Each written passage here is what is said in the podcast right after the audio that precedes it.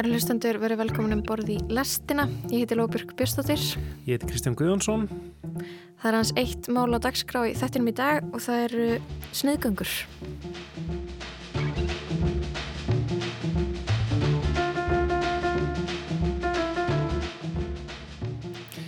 Já, það hafa verið um, umræður hér og þar í samfélaginu um þetta fyrirbæri um það að sniðganga og um, Það er margir að hvetja til þess núna að um, já, fyrirtæki, um, vörur frá Ísrael séu, séu uh, sniðgengnar vegna framferðis Ísrael hers á Gaza undanfarnar vikur og þetta er einhvern veginn nær út í allt samfélagið. Þetta er ekki bara uh, fyrirtæki, um, fólk þekkir auðvitað SodaStream, það hefur verið að tala um Moroccan Oil og uh, greiðslumiðlunar fyrirtæki Rapid sem eru allt ísraelsk fyrirtæki. Um, einstaklingar eru einhvern veginn að velta fyrir sig hvort þeir geta eitthvað gert með því að sniðganga en þetta næri einhvern veginn á miklu fleiri svið samfélagsins heldur en bara viðskiptarlífið einhvern veginn? Mm -hmm, Emitt, það er þetta dæmi um þarna ferðarþjónustu fyrirtæki sem að það voru nokkur ferðarþjónustu fyrirtæki sem að ætluðu ekki að þjónust að ferðarmenn frá Ísrael þá frétt sem að kom í november Emitt og í sama mánu þá skrifaði hluti starfsfólks Háskóla Íslands og Listaháskólans síðan uh, í kjölfarið yfirlýsingar um að sniðganga akademiskar stopnarnir í Ísrael, aftakka samstarfið Ísraelskar mentastofnarnir og akademist starfsfólk sem hefur ekki talað gegn framferði Ísraels hers. Eh, þannig að þetta er komið einhvern veginn inn í uh, akademíuna. Einmitt, uh, eins og viðast hverjum heim og svo er það knattspyrnudeld breyðabliks þau voru kvött til þess að hætta við leik gegn Ísraelska liðinu Maccabi Tel Aviv í sambandstelt Evrópu en, en keftuleikin Emitt og, það voru já, mótmæli bæði frá, frá styrningsfólki Palestínu og Ísraels fyrir utan á, á, á vellinum. Mm. um, svo er þetta farið inn á svið menningarinnar líka. Um, það var mikil umræða núna uh, í síðasta mánuði um sniðgöngu þegar hópur í rítöfunda ákvaða að eh, sniðganga Æsland Noir bókmyndaháttíðina vegna þess að eh, fyrrum utanríkisáðherra bandaríkjana Hillary Clinton var búið að taka þátt og, og, og tók þátt. Um, og eins og kannski langsarlega flestir bandaríski stjórnmálamenn um, þá hefur hún stutt aðgerir í Ísraela og, og talað gegn vopnarliði, fólk var ósátt með þetta og, og snið gegn hátíðina þessum, þess vegna.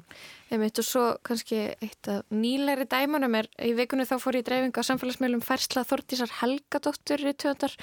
Um, hún listi yfir að hún ætlaði ekki að vera með upplæstur í fórsættisráðunetinu, henni var bóðið að koma og lesa úr bókinin, bókinin sinni Armelo sem er í jólabókaflóðin í ár en uh, hún ætlaði Hún ætlar sér ekki að mæta og lesa í fórsættisraðunetinu vegna aðgerðarleysi stjórnvalda í málumnum Palestínu. Emmett. Og eins og þetta sé ekki nóg um, um sniðgöngu umræður þá er einhvern veginn núna að fara, gang, fara í gang Eurovision umræðan sem hefur svo sem verið áður. Um, Eurovision unnendur eru farnir að, að ræða það hvort að Ísland eigi að já, hóta því að sniðganga söngakefni Európska sjónastöða ef Ísrael tekur þátt í kefni eins og um, það hefur gert þetta varna áratí Umræða sem hefur farið oft áður á stað. Kannski hávarist mest ábrandi þegar Hattari eh, kæfti í Eurovision í mm. Ísrael. Nákvæmlega. En, en sniðganga er svo sem alveg sko víðar í umræðinni þegar náttúrulega uh, um daginn þegar hópur Hollywood stjarnar ákvaða eða já, á, ákvaða sniðganga Ísland á meðan sem kveikmyndatökust það á meðan kvalveðar fara fram hérna á landi og þetta er einhvern veginn svona út um allt í samtímanum fólk að sniðganga, hótaða sniðganga uh, og okkur langaði einhvern veginn að skilja þetta betur og einhvern veginn sökk okkur onni þetta í, í þætti dagsins. Mm -hmm. Og við ætlum að byrja á sjónarhörni aktivistans. Kristín Svensdóttir hefur undanfæran ár verið virki í BDS-hreyfingunni en það er þrýstihópur sem að reynir að fá fólk til þess að sniðganga vörur og fyrirtæki frá Ísrael. Sko BDS um, þessi sniðgöngu hreyfing, hún byrjaði árið 2005 og þá var það bara að byrja sem ákall frá palestinsku þjóðinni að hérna, alþjóða samfélagi myndi gera meira til að um, sína í verki að þau séu bara að móti því að Ísraels ríki væri ekki að virða alþjóðalög og væri ekki að virða rétt palestinmanna og þeirra mannréttindi. Og þá hófst þessi BDS reyfing og, hérna, og þetta var gert svolítið um, svona að fyrirmynd anti-apartheid hreyfingarinnar um, frá Suður Afríku hérna sem gerði það var náttúrulega ímyndilegt að spilað inn en þessi ótrúlega, ótrúlega samstæða hjá mörgum í alþjóða samfélaginu bara að snuðganga Suður Afríku á meðan aðskilnaða stefnan var eins og hún var þá hérna hafði rosalega mikið að segja. Og það eru margir sem hafa líst svolítið ástandinu hérna í Ísrael og Palestínu um, er svona, já um, séð hérna séð mikið samræmi hérna og bara tala, bara mjög margir sem tala um að það er bara aðskilnaða stefna í gangi líka í Ísrael og Palestínu það búa hérna palestinmenn og Ísraelsmenn og þau bara fá okkur sem er réttindi langt í frá. Mm -hmm. Þetta eru bara á meðan Ísraels ríki er að brjóta rétti palestinumanna. Þá hvetur þessi seyfing til sniðgöngu. Þetta er bara friðsamleg leið fyrir einstaklinga og bara líka lönd eða fyrirtæki til þess að sína samstöðu og já, BDS stendur fyrir boykott, bara sniðganga og disvestment að, að svona afturkalla fjárfæstingar og sanctions. Um, hvað er íslenska orðið? Það sé ekki, já. Viðskipta þvinganir? Þvinganir, nákvæmlega, viðskipta þvinganir, nákvæmlega.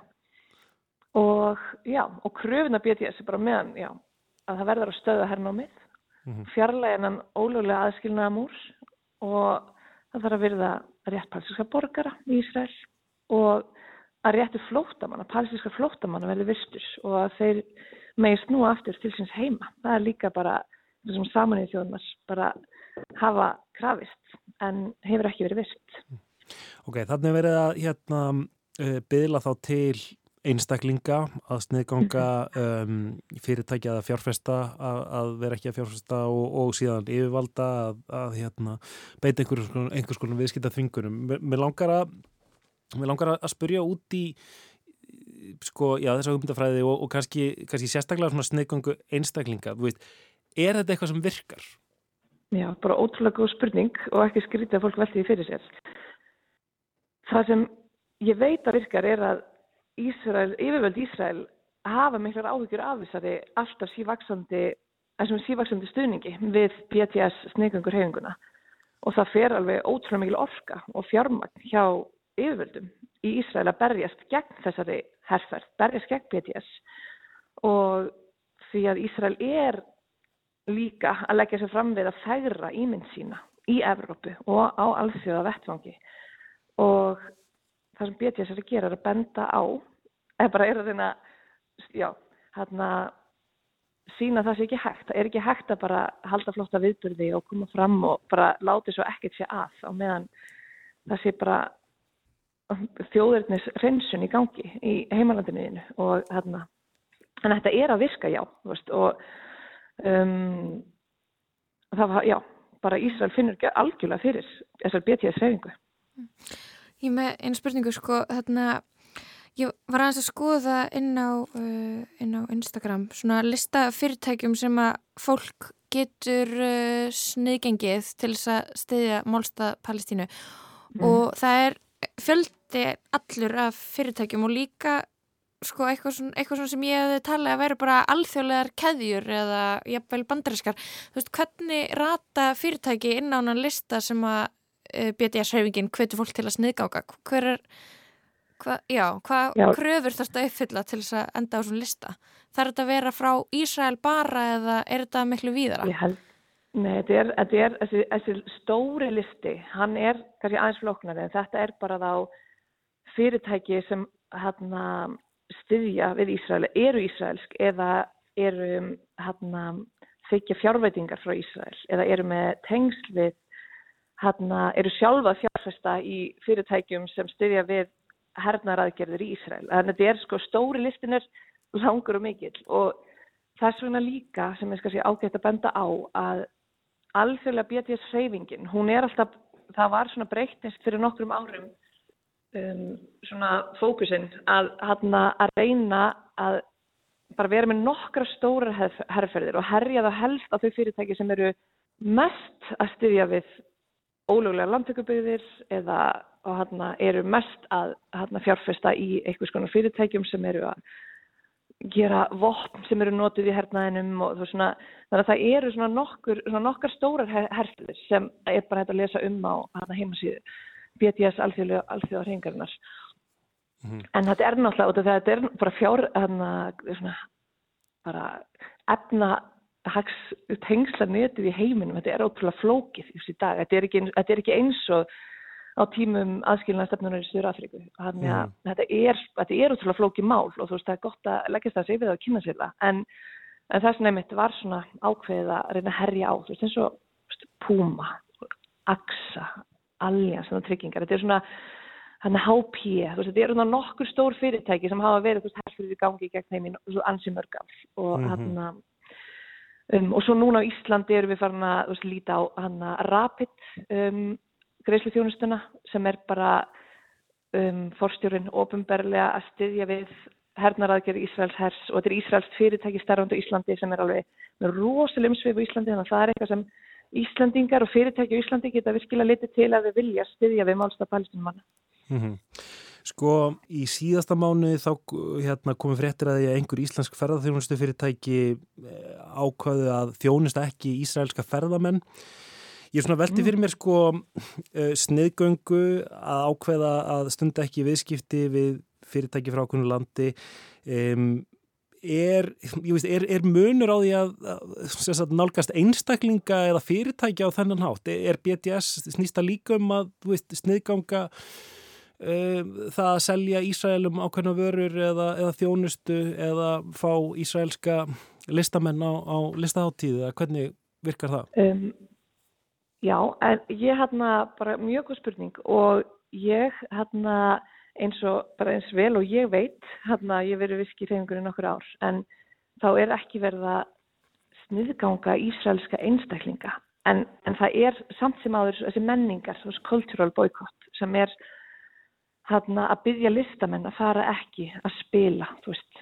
fara til Ísrael að spila á meðan ríkið er að brjóta hérna alþjóðlög og mm. hann að maðurreitindi og hann að um, en því að þetta er náttúrulega mér finnst þetta mikilvæg spurning því að ég á vini frá Ísrael og sem ég er í sambandi við og náttúrulega fullt af vini frá Palestínu líka en það þarf náttúrulega hann að það, má, það þarf líka að halda alltaf samtalinu opnu og hann að um, og mér finnst það bara bara friðar viðræðum er alltaf veist, að einhvern veginn að vera ofinn fyrir að tala saman og ekki bara hægt að tala við alla vinið mína frá Ísrael því að Ísraels, hérna, Ísraelsk yfirvöld eru með stefnum sem ég get ekki þólað, en hérna, en samt sem áður, þá hinn bógin, þá bara, hérna, við sem einstaklingar, það er svo mikilvægt að geta gert eitthvað, því við getum öll gert eitthvað og þetta er bara friðsamlega leið og hérna að sniðganga. Og þú segir líka með hérna en líka þessi bara nefna eins og með íþróttir og hérna, menningar viðbyrður og fá ísraelska listamenn bjóða þeim á allt sem Ísrael svona, svona gerir, þú veist að alþjóða vettvangi, það er líka bara það er svo oft bara hluti af því að bara sína alþjóða heiminum, hei, við erum bara eins og við erum venjuleg og hérna, en eins og um að Eurovision, það var einhvern veginn hérna, þegar Úsland fyrir stríð, þú veist, gegn Úkrænu, þá var alþjóða samt félagi fljótt að bregðast við og hérna Rúsland fekk ekki taka þátt í Eurovision. Og það er óæðlilegt að því að þjóð er að brjóta mannreitindi og fara, þú veist, að það sé bara látið þessu ekkert sé. Þau fá að taka þátt í Eurovision. Þannig að mér finnst mjög æðlilegt að við spurjum okkur núna má Ísrael taka þátt í Eurovision á næsta ári mm. ef að hérna á meðan þau eru að hreinsa bara algjörlega sprengja í tæklir um, mhm. palskiðmenn á gasa. Einmitt, og, en þá er líka kannski munurinn hérna á því að, veist, að það er eins og uh, rúsneskir íþráttamenn með að taka þátt á olimpíuleikunum en þeir gera það ekki undir fána Rúsland sko þannig að mm. kannski uh, Eurovision er náttúrulega svo rosalega tengt einhverju svona uh, þjóðerni, þjóðarstolti hérna, mm. en á meðan kannski hvað ég var að segja, Ísraelskur rithöfundur sem myndi koma á, á einhverja íslenska bókmyndaháttíð væri ekki endilega þar sem eh, talsmaður Ísæls ríkis ekki flaggandi Ísælskum fána um, gæti ég að vil vera að tala gegn stefnu hérna, heima landsinsín sko. Algjörlega, algjörlega. Og mér finnst það að þurfi bara að líta á, á hvert mál.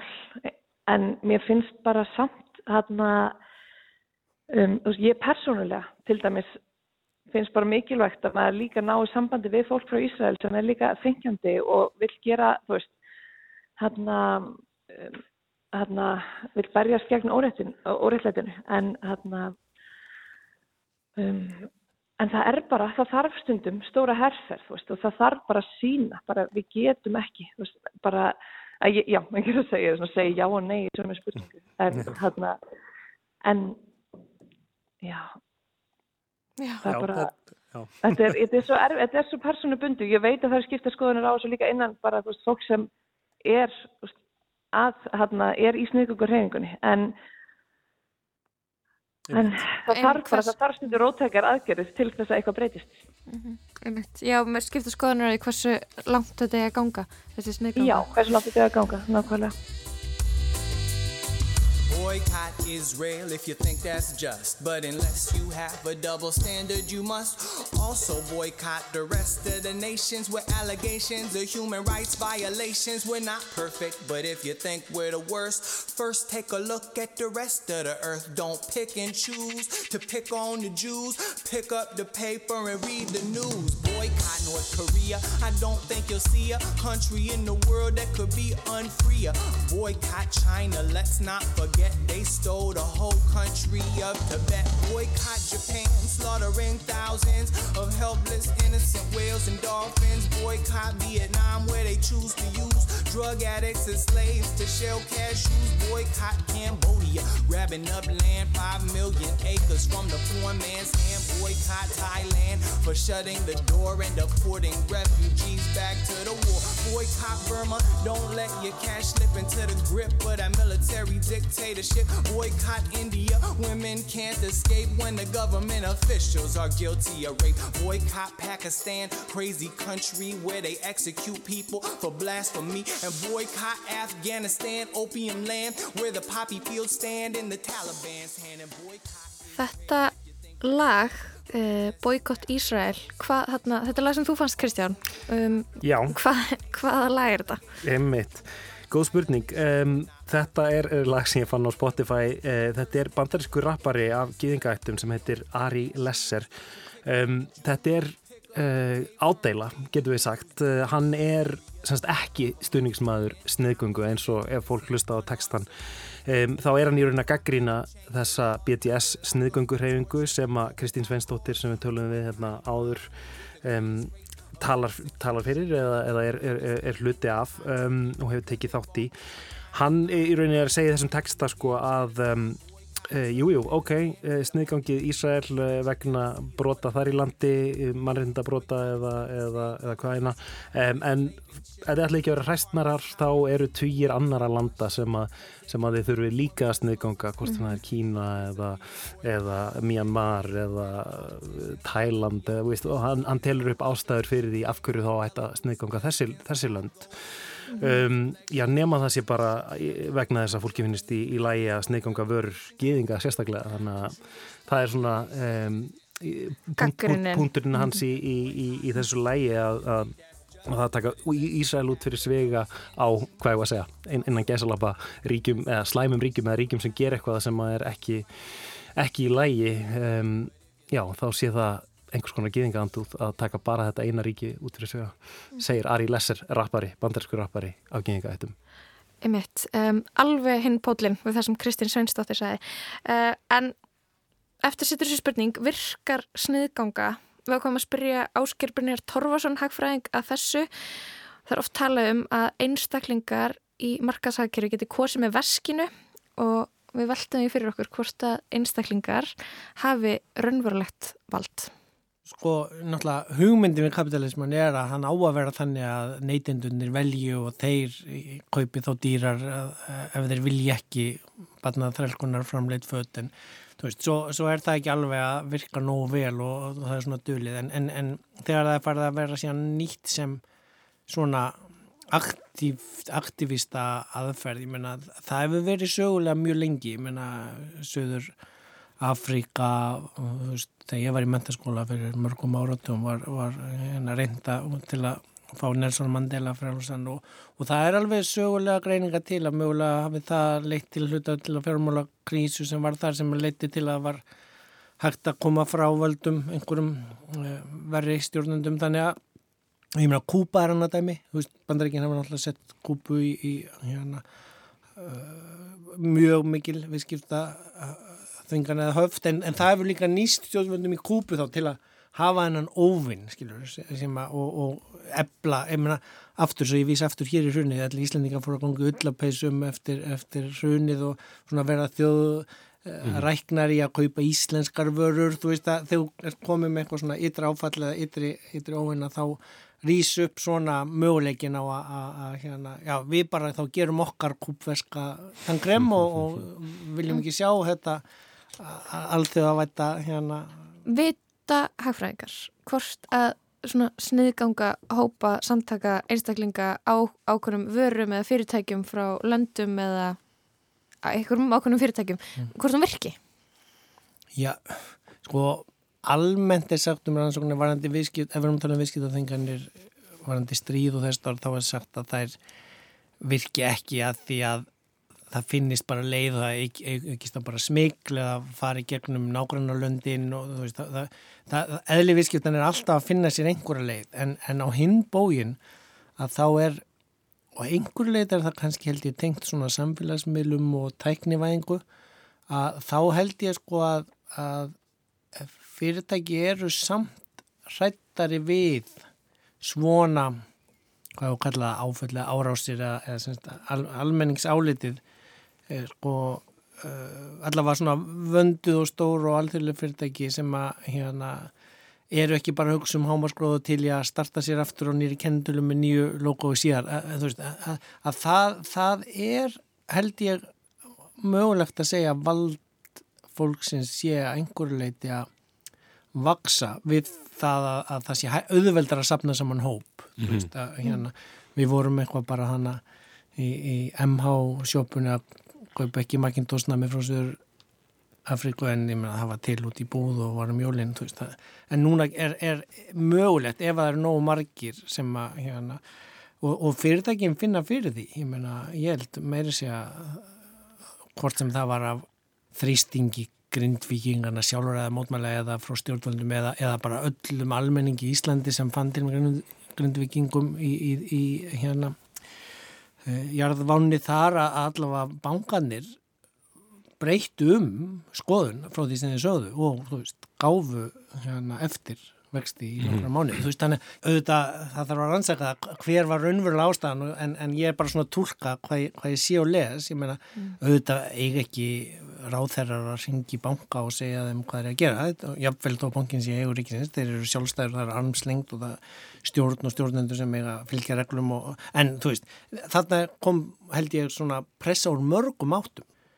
En svona þrýstingurinn alveg eins og varðandi veganfæði eða græna framleiðslu, þú veist, þar er það svona hvað maður að kalla lobbyismi og bara fleiri og fleiri sem fari verið á grænu hliðina vegna mm -hmm. valdaði að viðskiptarlifi fer meira og meira í búðunum að setja það fram og að framleiðundur að búa til þannig að þú veist eh, spurningin er síðan hvort það gerist nú rætt hinn spurningin er, er hægt að ná fram einhverjum svona sjokkbreytingum eða hröðum umskiptum við, við eh, að snillvanga mm -hmm.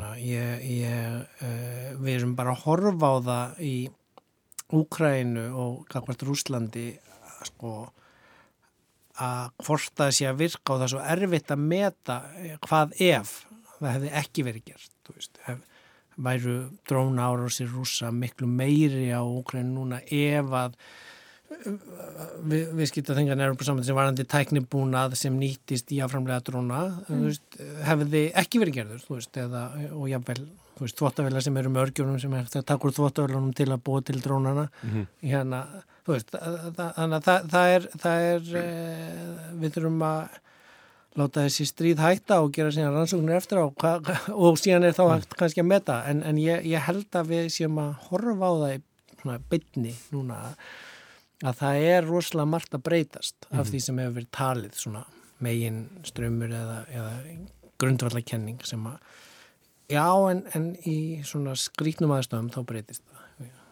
Samtakamáttur uh, almennings uh, hópa neytenda uh, getur haft greinilega áhrif en eins og í tengslum við fólk sem er að reyna sniðganga vörur frá tiltegnum ríkjum, segjum til dæmis Ísraelsríki, þetta er, þetta er samt rosalega flókið það því að ég meina eignarhald á, á fyrirtækjum er rosalega flókið hérna, hver, hver á það, hvar það starfar um, já. Já, já, já, ég meina einhver sagða Rapid, þannig sem sérum alla greiðslumilunum okkar hérna í bórsónum Ísraels fyrirtæki, það, ef þú googlar það og kannar á vefsíðinu þeirra þá er það skráð í London veist, og, og uh, eigendunir eru einhverju sjóðir líka. Þannig að það er svona eðlinn alltjóðavættu veiskipta eignarhaldið er orðið alltjóðlegt og jafnvel alltjóðlega fyrirtæki eru á mörgum jurisdictions tilheyra jafnvel mörgum uh, lögjafar svæðum veist, þannig að það sem eru jafnvel mismöndi reglur og þetta, þetta er nú sko Uh, líka aftur búið að vera svona viðbrað meðlandsfræður um þess að alltjóðlegu rísa fyrir samfélagsmiðlan og það, þess að þeir eru farin að hafa áhrif um allan heim. Þannig að, uh, að sko hvað við segja snið, ef, ef, ef við ætlum veist, að tala um Ísrael og ekki að kaupa ísraelska vörur að því að við, okkur hérna langar að þeir hætti að ráðast inn í Palestínu. Að þú veist, þá er náttúrulega í Palestínu átt að vera að rækta ólífur núna og taka upp dölur þú veist, hvort sem að eitthvað af þeim vörum var síðan flutt út gegnum Ísrael veit maður ekki. Þannig að, þú veist, kannski var þegar maður ætlaði ekki að kaupa ísraelska dölur var maður þá að láta eitthvað bonda í Palestínu ekki geta selgt mm. sínar dölur, veist, að og svo kemur stríðið og þá er einhvern veginn allt upp í loft og bara verða að sprengja tætlur döluagurinn og olju og ólífólju ólífu trén og mm. ólífunar þannig að það er e, sko þetta, já, þetta er ekki auðvelt hérna verk og, og, og en ég, ég held að við séum að sjá að það hafi áhrif þó við vitum ekki alveg hvað áhrifin eru mikil og þessi áhrif eru kannski auðvitað er efnagslegi þátturinn eitthvað eitt en, en svo lítur þetta líka snúast um um já, fólk í þessum, þessu landi sem Ísrael, kannski við, við getum tekið dæmi sem er nær okkur sem eru, þú veist, kvalveðar Íslandinga mm. sem á, á einhverju tímpunkti um, amerísk fyrirtæki fóru að, hætta að kaupa íslenskar sjáarhútarsvörur einhver, tíman á, að, hvort það var á nýjunda eða tíunda áratögnum um, og, og, og þú veist, þannig, þannig að sko við erum hrætt um hvernig umheimurinn sér okkur og þess vegna kannski setur fólk hér þrýsting á sín stjórnvöld, þannig að kannski Já. snýst þetta líkum það. Já, svona eins og þetta séur henni kannski líka jafn mikið bara félagslegt taumhald eins og efnaðslega aðgerð. Algjörlega og það voru alveg í gangi mjög sterkar sögur um að, að bæðin í Evrópu þinginu og í bandarinska þinginu væru í gangi undirbúningur að leggja til viðskipta uh, þinganir á Ísland ef að kvalveðanum er það haldið áfram í sumar sko. þannig að veist, er ekki þetta er bara svona orðurómur sem að maður heyrði og, og einmitt uh, hver langt það hefði náð að ganga vitum við ekki, það er aftur hlýðarsagan mm. hérna, en, en, en, en augljóslega þar virkar samt sko að þegar það er allur heimurinn nema 2-3 lönd sem veða kvalna að þá eru ekkert að flytja kvalafröðuna með skipum úr venjulegum skipafélagum sem að til er að G7, G20 eða, eða hérna Vafá þannig að það þarf að finna einhver skip frá einhverjum litlum ríkjum sem eru til í að sigla án þess að það sé að fylgjast með þeim á, á hérna gerfinhandakerfum og er ekki hægt að finna tryggingafélag, alþjóðlega tryggingafélag sem er til í að tryggja farmina því að þetta er eh, já, fílabein eða, eða kvalafur frá Íslandi eru álitin óæskilu varningur. Þannig að, að, að þarna er alveg sko já, alþjóðlega viðskiptarsamningar geta haft áhrif í, í uh, báður áttir sko. uh, já, án þess að það sé endilega uh, þvinganir heldur bara þeir sem fara út af sporinu við það sem megin strömmur er vill að þeir lenda í svona vandræð, menn það er aftur eins og smiklið inn í Rúsland með vörunar að þá er fundið leið til hliðar eða gegnum nákvæmlega eða gegnum flutningabíla sem eru ekki hérna tryggðir og ekki hérna, í eigu stóra flutningafyrirtæki heldur í eigu einhverja. Mm -hmm. Annar, þannig að þa- þetta er, já, vi- viðskiptin, peningarnir finna sér alltaf leið til að flæða og viðskiptin finna alltaf einhvern veg en, en hann getur verið hérna grítari og dýrari og sinnfarnari.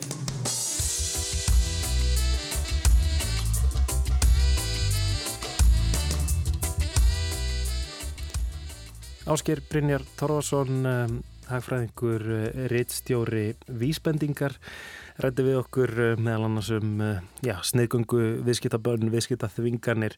Um, við rættum aðeins sko hvað, það, þetta er orðið kannski flókið, sko markaðurinn er svo flókið og svona Mhm. eignarhald á fyrirtækjum og svona og ef maður allar að sniðganga fyrirtæki frá einhverju ákveðinu landi eh, eða eitthvað álíka þá er það bara en gerst af því að eignarhaldið er einhvern veginn svo oft óljóst og, og dreifist millir sjóða í mismöndi löndum og eitthvað svona um, og um, þetta er svona sérstaklega einhvern veginn svona nútímalegt vandaból feist mér. Já, um, einmitt. en markaðurinn, hann kannski býr til ákveðin vandamál uh, fyrir okkur til þess að sniðganga en markaðurinn kemur alltaf með lausnir líka. Einmitt, hvernig lausnir? Nákvæmlega, heyrðu, sko það er til app. Sem- það er til app sem heitir Boycott Já, sagt, eh, svona orðalegur um já. á boykott. eins og boycott nema boycott og, og ég, ég sá þetta app nú reynda fyrir mörgum árum sko um, en þetta er sem sagt app sem gengur út á það að þú downloadar því og svo ferðu út í búð og hérna skannar sem sagt uh, kóðan uh, á, á vörum og getur séð hvort að um, þessi vara sé framleitt í ákveðnu landi eða notist við ákveðna aðferðir sem þú ert andsnúin eða eitthvað svo leiðis.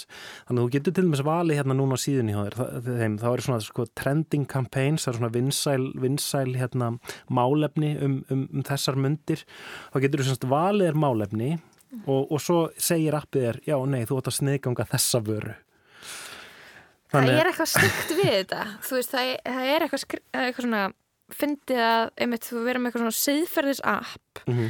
og velja síðan einhvern veginn hvaða siðferðislegu eða málefni þú hefur ákveðið að tilenga er þessa stundina Mhm. eins og einhvern veginn partur á ímyndinni í rauninni eða svona, Einmitt. ég er svolítið í skapi til að stiða þetta núna en ekki þetta. Fyrst úr allir komið með listan fyrir fram að þig. Já. Akkur myndir ekki haka við allt. Einmitt, til þá dæmis eitthvað- sko súkulaði framleita af um, e, badnaþrælum um, svo eru hérna, ef maður vill forðast til dæmis Ísraelskar hérna, landnemabyggðir. Um, vill maður kaupa vörur sem að um, bjarga uh, bíflugunum er, vill maður kaupa vörur sem að styðja við, hvað ég var að segja, fire and building safety, uh, svona byggingaöryggi í, í hérna, í verksmiðum í Bangladesh og eh, er maður, um, vill maður forðast eh, vörur sem að Trump hagnast á að þú kaupir sem er einhvern veginn í eigu Trump samsteipunar. Þannig að þú getur valið, valið á milli eða valið allt og, og þá kannski lendur í vandræðum. Hvað er það eftir? Þetta er flókið sko eins og Kristín talaði um stóri listin frá BDS-reyfingunni, öll fyrirtækin sem er hægt að sniðganga til þess að styðja Palestínu. Mhm. Um, þetta er bara ótrúlega mikið af fyrirtækjum. Einmitt.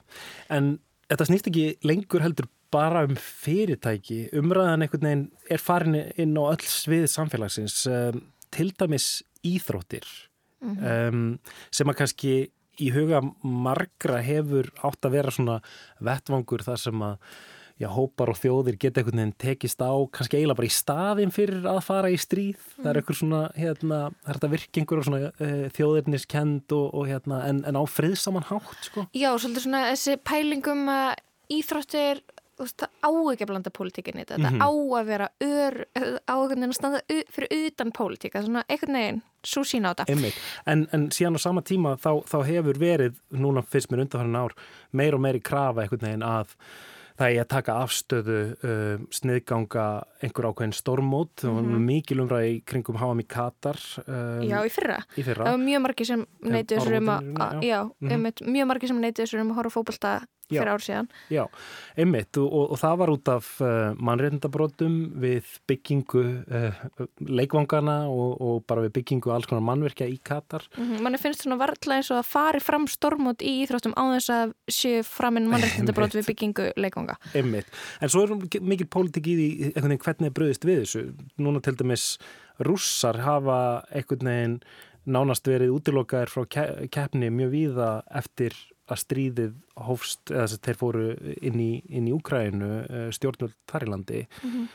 um, en svo, svo er þessi umræða komin hérna heim líka. Um, við fjallum með, með þetta í byrjunvikunar Ég meit það var þessi leikur breðablik kefti við Maccabi Tel Aviv. Það var leikur uh, í sambandstild Európu uh, knatsbyrna Karla. Leikur sem fór fram hérna á breðabliksvalli að því tilbúinni þá rettu við við Tómas Þór Þorðarsson íþróttafrættamann til þess að tala hans við hann um þetta samband íþrótt á pólitíkur. Þa, það er einmitt málið, við höfum alltaf óskað þess að við gætum bara horta á íþróttir og íþróttir eigi að vera svona sammenningar tákn og við höfum alltaf síður rosalega flotta hluti í gegnum tíðina þegar sko, íþróttamenn í hérna, stríðsjáðum löndum og jáfnvel sko, íþróttamenn sem eru já, frá land, sikkur landunum þar sem er annar liðið er, er að ráðast inn í hitt, kannski eru bara að láta mynda sig saman á stórum íþróttavettvangi og við höfum séð þetta til og með svo ólimpíuleikunum í, í gegnum áratugina þar sem að þeir eru svona sína kannski að það sé ekkit endilega fólkið í þessum löndum sem að e, eru upp á móti hvort öru heldur bara einhverjir sko brjálegar einræðisherrar eða politíkusar eða, hvernig sem það er. Þannig að við höfum aldrei þráttur við viljum að íþróttir séu svona standi utan svona já bara politík að þá, þá er það bara ekki þannig. Og eins og þú segir að þá er búið að, að taka þetta þetta skýra dæmi með, með Rúsland en hvort að það síðan skipti málið þegar það náttúrulega fer bara Rúsland inn í Úgrænu uh, og hérna á þess að aftur að fara að breytast eitthvað stjórnmálaskýranda að, að það hérna þá ráðast herin í Úgrænu og það er einhvern veginn að taka allir þátt í að fordæma það en síðan svo sem hérna að því að margir myndu bend á það að hérna þó ég sé ekki gera það en ég er bara að segja að hérna að því að fyrsta hérna, það fyrsta sem að gerist í þessum sem við erum að sjá núna fyrir botnið meðverðahans kemur frá, frá Palestínu eða frá Hamas og hvort að það skipti máli í þessu, ég veit það ekki en maður getur ímyndað sér það eða náttúrulega svo hefur Ísæl náttúrulega rosalega stór og, og mikil völd og ótrúlega valda mikla vini og valda mikla þjóðir þannig að hvort að það skipti máli, ég meina hlýtur það ekki að vera, meina, við hljóttum að vera svo litið hérna barnalegi í hugsun ef við höldum að það skipt ekki máli með að við, hérna, að við erum með þetta skýra dæmi frá, frá Úslandi. Mánstu eftir ykkur dæmi það sem að um, þú veist það hérna annað anna, anna liðið já, ákveður að mæta ekki ykkurum og það hefur ykkur afleðingar. Er ykkur svona þekkt dæmi um það?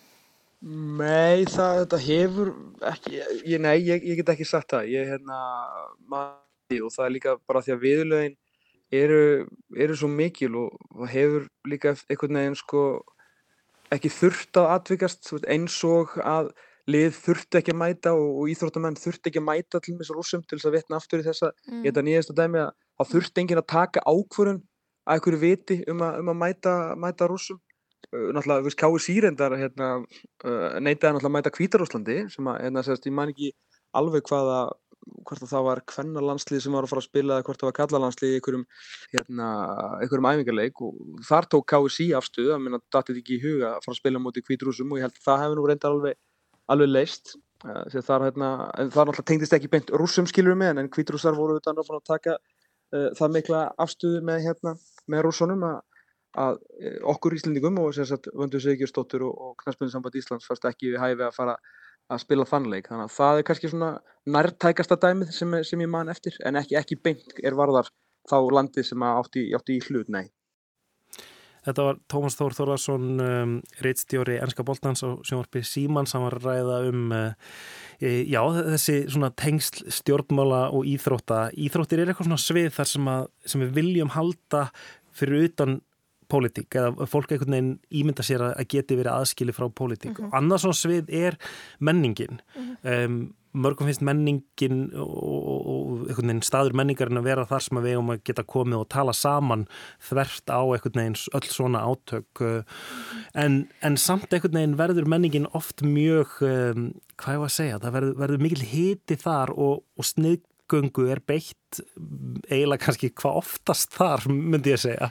Einmitt, bara eins og við höfum séð og nærtaktæmi væri bara enn og aftur að fara að tala um Æsland nú var spennusagna hátíðina sem var mm. haldinu meðan og beri hörpu þegar 60 eða rúmlega 60 íslenski réttöndar skrifu undir yfirlýsingu sem að beindist gegn hátíðinni Æsland Noir um, tveir rítvöndar sem sögðu sig úr panel átt að taka þátt í pallborsumröðum á hátíðinni Petro Gunnlaugur García og Maria Elisabeth Bradóttir og svo var þetta bara, já, svo var restina rítvöndunum sem skrifið undir uh, voru bara hvetja til sniðgöngu á hátíðinni í rauninni. Og Þar meðal var Odni Eir Ævarstóttir, rittvöndur, hún skrifaði undir þetta ákall eða áskorun sem að nánast klauf íslenskan bókumdaheim í tvent.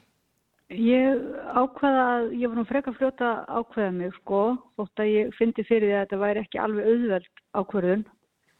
Þá fannst mér þessi svona um, krafan um vopnalíð sem þarna var undir Mér fannst hún bara að vera svo mikilvæg uh, í þessu anstíkilega ástandi þarna og, og í raunverulega, já, ef maður tekur út í samhengi þá er búin, búin að eiga sér stað mjög fyrðuleg, fyrðulegir uh, fyrðulegir viðbyrður eiginlega í pólitíkinn þar sem að virðist, virðist vera eins og stjórnendur okkar lands væru bara algjörlega ómeðvitaðir um uh, afleðingar sinna, síns aðgerðarleysis og sinna orða. Þannig að uh, ég held kannski að maður hugsa með sér að núna sé mikilvægt að gera, gera eitthvað svona, gera eitthvað eins og tákgræna gjörning. Svona fyrir mig að taka þess ákvörðum var þetta ekki uh, tilrönd til þöggunar eða kanseleringar eða útilokunar og þetta fjallaði ekki um það að maður vildi ráða því hverjir megi tala, hverjir megi vera skáld, hverjir megi að tjá sér rítvöndur. Þetta fjallar ekki um það sko. Heldur fjallar þetta um það að, uh, að vekja til vitundar um að uh, og beita þrýstingir umverulega til þess að uh, stjórnendunir sem að koma fram svona sem personur og, og kannski auðvitað sárir bara út af þessum le, le, leiðendum að þeir bara mm, kannski hugsa sig um sko hva, hva, hva, í hvað samingi þessi viðbörður er. Mér finnst allt í lagi þótt að við séum ekki að krefjast þess að, að hérna að neitt kannski skipulegi viðburði á, á pólitískum fórsöndum í framtíðinni endilega að þá, þá, sé, þá verðum við samt að vera, við getum ekki bara verið í einhverjum fílabinsturni, við verðum að vera meðvitt um samhengið sem menningin er, menningin er í. En þetta var flókin ákvörðun og þarna fannst þér, hvað þarna hvers vegna er flóki ákveð eitthvað svona? Hvers vegna... Ég sko bæði flóki og einfalt. Mér þetta, þetta mjög einfalt raunverulega ákveðin. Ég bara ákveða, eins og ég segi, ég bara, þetta er mjög hrætt vegna þess að hjá mér kemur þetta inn í, hjá mér er þetta inn í samhengi uh, að bara núna er það mikið svona, það er mikið neyðar ástand og það er bara þjóðarmorð stendur er í gangi En ég skil, það sem myndi flókið, það var það sem ég skil vel svo sem að, að, að sumum finnst þetta að vera. Sko, kannski hefði verið réttar bara að, að reytöfundar hefðu uh, verið með áskorun til stjórnvalda en að verið með áskorun uh, til kollega sinna og út af menningarviðbyrði, það er það sem gerir það aðeins flókið, sko. Mm. En svona menningarlega sniðganga, einmitt, þú veist, ef við tölum þessum hana, bara að, að, að ákveða að, að hlusta ekki á ísraelska tónlist eða bjóða ekki ísraelskum höfundum á háttíð eða, um, eða, eða bara einhvers konar menningarlega sniðganga hvað finnst þér svona hvers vegna er það öðruvísi þegar við erum komin inn í samhengi menningarinnar að fara að sniðganga ákvæmna hópa eða þjóðir Ég, held að þetta sé bara mjög svona, þetta er náttúrulega stert vopn, vonandi, sko, þetta er allavega vopn sem við höfum eða þetta svona uh, vopnlaust vopn, má segja. Þetta eru svona friðsamlegar mótmæla aðgerðir uh, sem að sniðgangan er, er, er slík, sko, þegar höfundar taka sér samanlumis í þessu tilviki, en, en mér finnst Mér finnst, finnst samhengið skipta mjög mjög máli. Mér finnst alhæfingar í þessu sem öðru eru mjög erfiðar sko. Þannig að til dæmis það að, að sniðganga eða mæla til þess að sniðganga listamenn út frá þjóðirni eða út frá jafnvel gjörðum og skoðunum. ég menna við verðum alltaf að ræða það og skoða það mjög vel. Þetta er, svona, þetta er ekki eitthvað sem við höfum að gera af, af léttúð fyrst mér og ég er mjög oft ósamála slíku sko eins og ég var ósamála því þegar að palestinskum höfundi var ekki veitt verðlaun á Frankfurtamessunni og þá fór ég að velta fyrir mér hefði mér þótt eðlilegt að, að Ísraelskum höfundi hefði ekki verið veitt verðlaun? Uh, og svarið er nei, mér hefði ekki fundist mér hefði fundist skrítið ef það hefði verið búið ákveða að veita Ísraelskum uh, höfundi verðlaun. Mér hefði fundist svo sem skrítið að gera það ekki. Þannig að þar með er maður kannski komin í mótsögn en ég sé samt ekki, sko, sko, svona viðbyrðir eru alltaf þar ekki hægt að sé, alhafa eitt skipti fyrir öll. Þetta eru viðbyrðir sem tengjast einhverju atbyrðuris og, og, og einhverju samhengi, einhverju pólitísku samhengi. Þannig að þegar það komið út í það að, að, að, hérna, komið út í gýðinga, andúð, sko, svona viðbyrðir þarf að setja það í rosalega stort samhengi og að maður sé bara uh, hliðhóllur kanseliriseringum, maður sé hliðhóllur uh, pólitískri réttugsun og, og alls konar. En ég myndi ekki vilja setja, setja þennan viðbörð í það samingi. Sko, þetta er ekki hópur höfunda sem maður skrifar undir náttúrulega. Þetta er sko, þetta er einstak, maður skrifar undir þarna sem einstaklingur. Mér finnst það líka að skipta máli. Ég vissi það að það væri svolítið uh, vond fyrir sagt, höfunda og fólk að vera að gera lítið úr menningar viðbyrði kollega sína. Það er í sjálfu sér bara svolítið erfitt og líka skil ég, ég skil mjög vel að þeir sem að skipur ekki uh, og taka þátt í svona viðbyrði að uh, þeim sárni það að, að þeir séu ásakaðir um að vera að gera það á pólitísku fórsendum, að þeir séu ásakaðir um það að vera Uh, pró-ísraelskir með þessari, uh, þessum viðbyrði. Þannig að auðvitað skilum maður mjög vel að uh, sko, það sé ekki endilega málið en, en það, það er svolítið eðli svona, svona sniðgöngu að, að, að vera svolítið, að, þetta er svolítið held ég, það er ekki mikið smáleitur, það er auðvitað bara verið að segja við verðum að vera vakandi samt fyrir fyrir því sko, við getum ekki loka augunum alveg.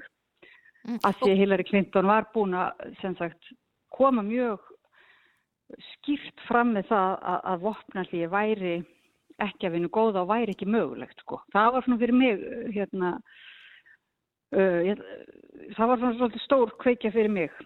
Síðan var það ekkert mjög erfitt fyrir mig kannski, ég verðaði viðkjöna að ég hef kannski persónlega svolítið svolítið pyrruð á svona stórum viðbyrjum sem að uh, já svona hvernig spennusagan og, og þessir þessir svona stóru fræðar bókmyndir sko hvernig hvert bókmyndaheimurinn er farin þákast þannig að það hjálpa sko mér fannst einhvern veginn skil, mér fannst ég ekki vera að eðilegja ammali fyrir einhverjum litlum dreng heldur frekar uh, þú veist þetta væri frekar svona fólki sem að stæði frekar með pálmann í höndunum uh, á Íslandi og, og, og þannig að það mætti nú alveg kannski aðeins bara minnaði á að, að hugsa sig um tvísvar. Mm. Þetta er svolítið svona að, um, að, klína pólitík á eitthvað sem ætlaði sér ekki að vera pólitíst, svona svolítið eins og kannski var gert í Maccabi breðableikleiknum þegar að eitthvað ábara að vera eitthvað svona samkomastæðir en, en svo kemur snöðgöngustimpilinn og þá er það, þetta er orðið pólitíst núna og það er Já. eitthvað gjörð og það er tákgrænt líka að gera það. Já og það er eitthvað sem er ekki hægt að gera alltaf, það vita það allir, það er, ekki, það er líkur hlutur að segja, við viljum ekki vera, uh, við viljum ekki segja hver einasti íþróttalegur og hver einasti menningaverðburður, við viljum ekki fara að, að sem sagt,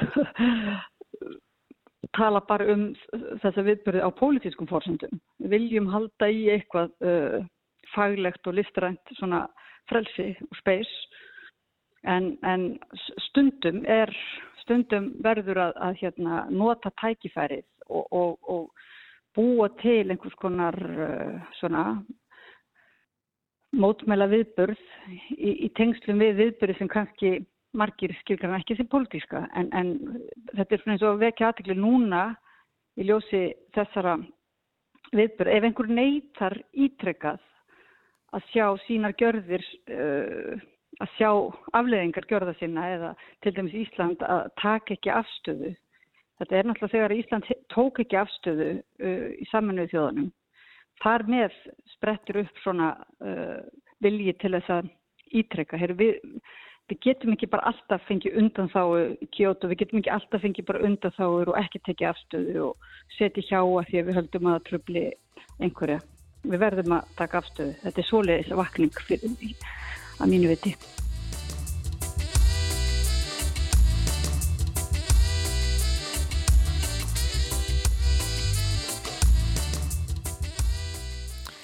Otni er æfastóttir rættimanna ákvöruna hennar um að, að sniðganga Æsland Noir bókmyndaháttíð. Það er eitt sem við töljum um við Otni sem var stundum svona hvað þessi hugtök, þessar hugmyndir, hvað þær um, renna saman, slaufun og, mm. og sniðganga, slaufun og boykott. Kanselkultúr. Er þetta saman hlutur en hvað á við hvenar, hvenar eru við að slaufa, hvenar eru við að sniðganga eða er þetta kannski bara saman hluturinn? Ég meit, sko, mér verður að hugsa til viðtal sem ég tók í sömar uh, við rúsneskan tónlistamann sem heitir Boris Grebensikov, einhverju heyrðu kannski viðtaliðin í lestinni uh, um daginn. Um, hann er þekktur rúsnesku tónlistamæður og í miklu uppáhaldi á mér. Um, ég, mér langaði að taka viðtal við hann því ég sá að við vorum í, í, í sömum borg, en ég fór í mikla svona sjálfskoðun eitthvað, get ég verið að taka viðtal við rúsneskan tónlistamann bara um tónlist nákvæmlega núna þegar það er stríð uh, rússar fóri inn í Úkrænu, þú veist.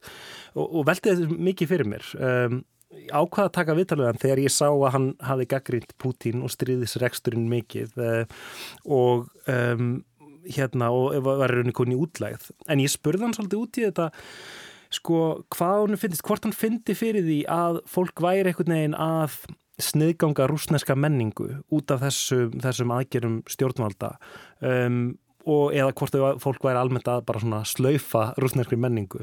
Og mér langar að spila það sem hann sagði. I mean there's always of course crazy people maybe Ukrainians or Polish people or whatever who say no cancel Russian culture. What, what the fuck? I mean you don't cancel culture. I mean you deprive yourself of culture culture is uh, again culture is a healing force that enables us to communicate with each other uh, and do it with dignity and love and everything else. So if you cancel culture, you cancel life. Stupid. Já, mér finnst þann orðaði þetta svolítið vel. Þú slaufar ekki einhverju tiltekinni menningu, heldur sviftir og sjálfan þig þessari menningu.